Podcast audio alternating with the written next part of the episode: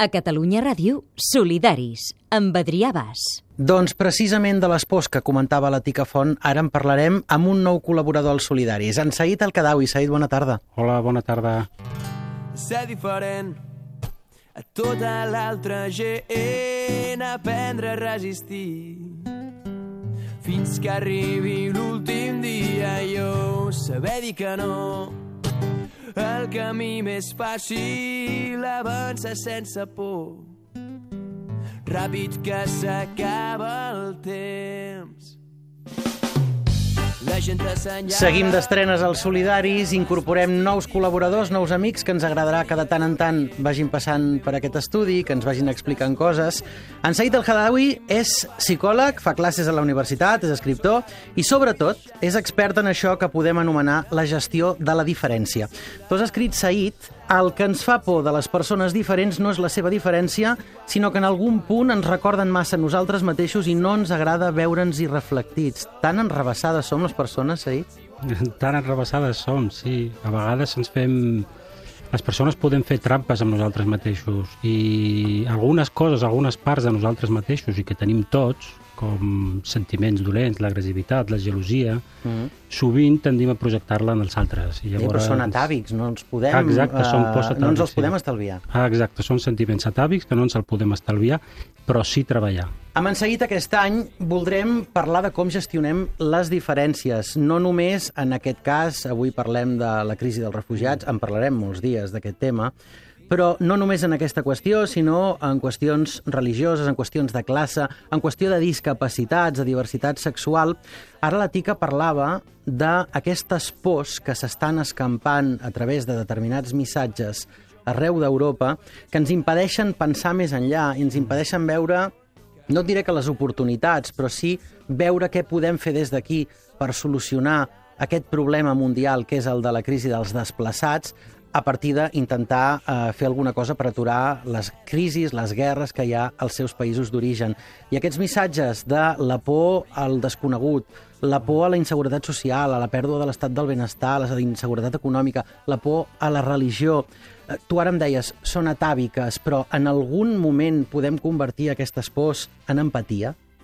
Sí, sí que ho podem fer, però és veritat que hi ha un primer, hi ha un primer moment, sobretot, quan hi ha un, un gran canvi. Això es passa a les persones i també a les societats. I aquest moviment de refugiats és veritat que és que ha sobrepassat el que, el que molta gent de carrer pensava. No? I, i veure-ho de cop sí que pot despertar pors atàviques que són normals en un principi i per això és molt important un discurs tranquil, un discurs que pugui explicar una miqueta el per què està passant tot això, un discurs complex i que pugui entendre les pors, però que també parli una miqueta més enllà de les oportunitats i també de, de per què la gent està fugint de, dels seus països. Mm -hmm. I la teva experiència què et diu? Què hi ha? Què podem fer des de la mateixa o des de la nostra capacitat diminuta, individual, de persones que des de Barcelona, des de Catalunya o des d'una ciutat alemanya, com aquests dies hem vist, que a les estacions rebien els refugiats amb cartells de benvinguts, aquí us podeu quedar, aquí estareu ben acollits. Què podem fer per intentar fer aquest clic i que al mateix temps el facin també els governants?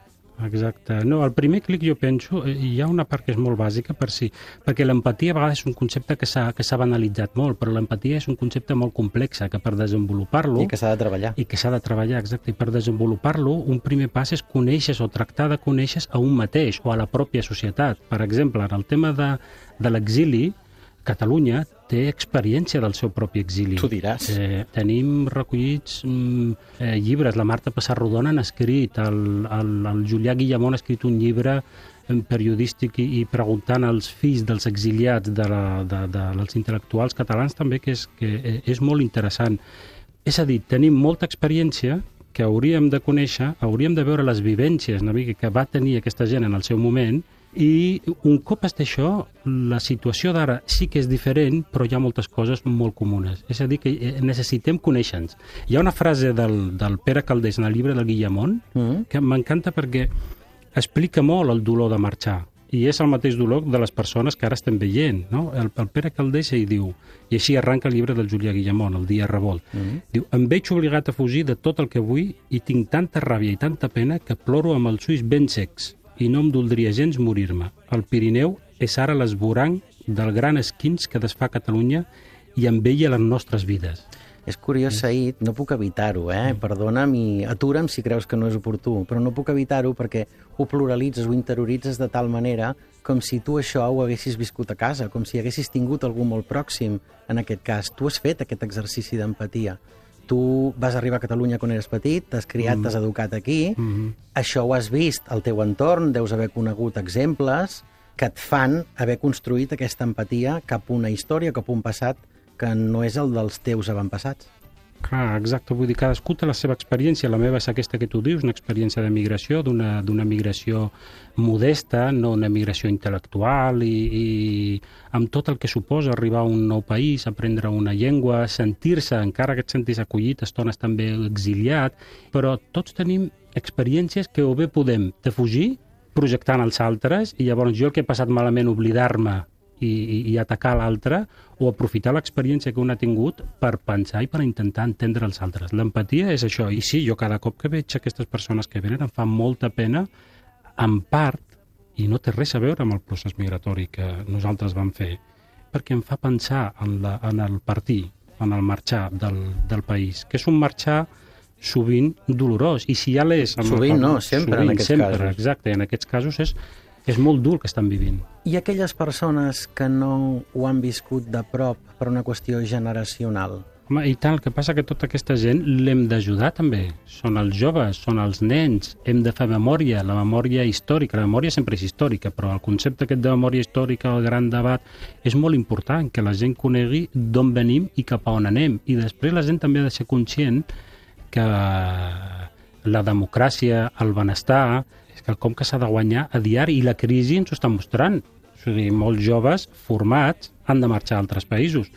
Com que van d'Espanya cap a un altre lloc, o de Catalunya cap a un altre lloc, i la imatge que es té del sud és una imatge força denigrant, també patiran aquests prejudicis que s'estan construint ja des del nord.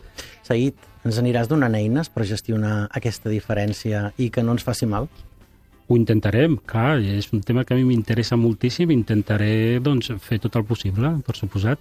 I doncs... a més estic molt content de que m'hagi convidat. Home, no, no, no t'hem convidat, t'has incorporat a la família. Moltes gràcies. Sí. Ens agradarà molt que el Saït el Cadawi torni de tant en tant als solidaris. Moltes gràcies, fins aviat. Moltes gràcies a vosaltres. El camí més fàcil avança sense por Ràpid que s'acaba el temps a Facebook, a Twitter i a catradio.cat, Solidaris, amb Adrià Bas.